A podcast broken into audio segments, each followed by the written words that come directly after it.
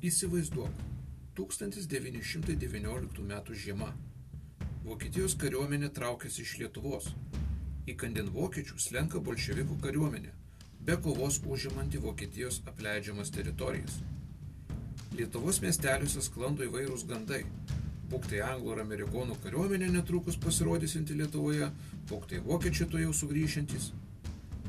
Šiaulių apskrityje pasirodę bolševikai to jau pat pradeda šeimininkauti kaimuose ir dvaruose. Vieną šventadienį nuėjęs miestelin po pamaldų, bažnyčios kieme pamatai burelį bernų, stovinčius nuo šaly ir kažką garštai aptarinėjančius. Kadangi pažįsti vieną iš jų, prieini arčiau, norėdamas išgirsti, apie ką ginčiamasi. Tau prisiartinus kalbos umai nutyla ir kalbėjusysis, sprendžiant iš uniformos Šiaulių gimnazijos mokinys, įtariai nužvelgia tave.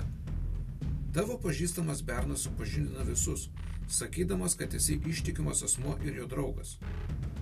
Dar sėki nužvelgęs tave nuo galvos iki kojų, gimnazistas pratęsė pasakojimą apie tai, kad Kaune yra lietuvių valdžia ir kuriama Lietuvos kariuomenė, kuri greitų laikų vys bolševikus lauk iš Lietuvos. Jis prikalbinėja jūs bėgti Kaunan ir stoti savanoriais į Lietuvos kariuomenę, žadėdamas suteikti visas kelionė reikalingas žinias. Atsisveikindamas paprašo pašnekėsi laikyti paslaptyje, nurodydamas, kas grėsia už panašius pasikalbėjimus iš bolševikų pusės.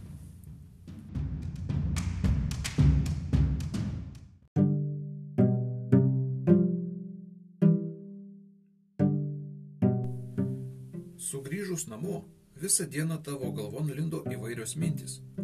Viena vertus, nuotaika labai pakėlė žinios apie kūriamą Lietuvos kariuomenę. Jautėjai kažkokią nepaprastą jėgą, kuri neatsižvelgiant į visas įmanomas kliūtis, traukia važiuoti Kaunan ir savo akimis pamatyti tą stebuklą - Lietuvos kariuomenę. Antra vertus, kamavo bejonės. Kaip išvykti, kuomet aplink kirbėjo bolševikai, arba ką pagalvos namiškiai apie tavo planus stoti Lietuvos kariuomenę.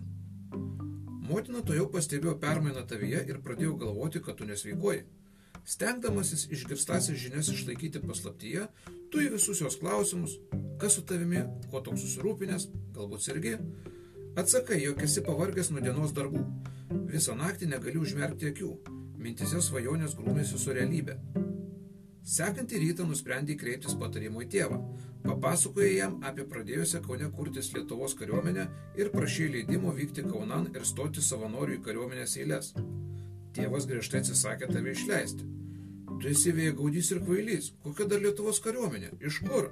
Čia tik kaimo bobo paistalai. Matydamas, kad artimieji nepalaiko tavo svajonės, tu pasiryšti lemtingam žingsniui.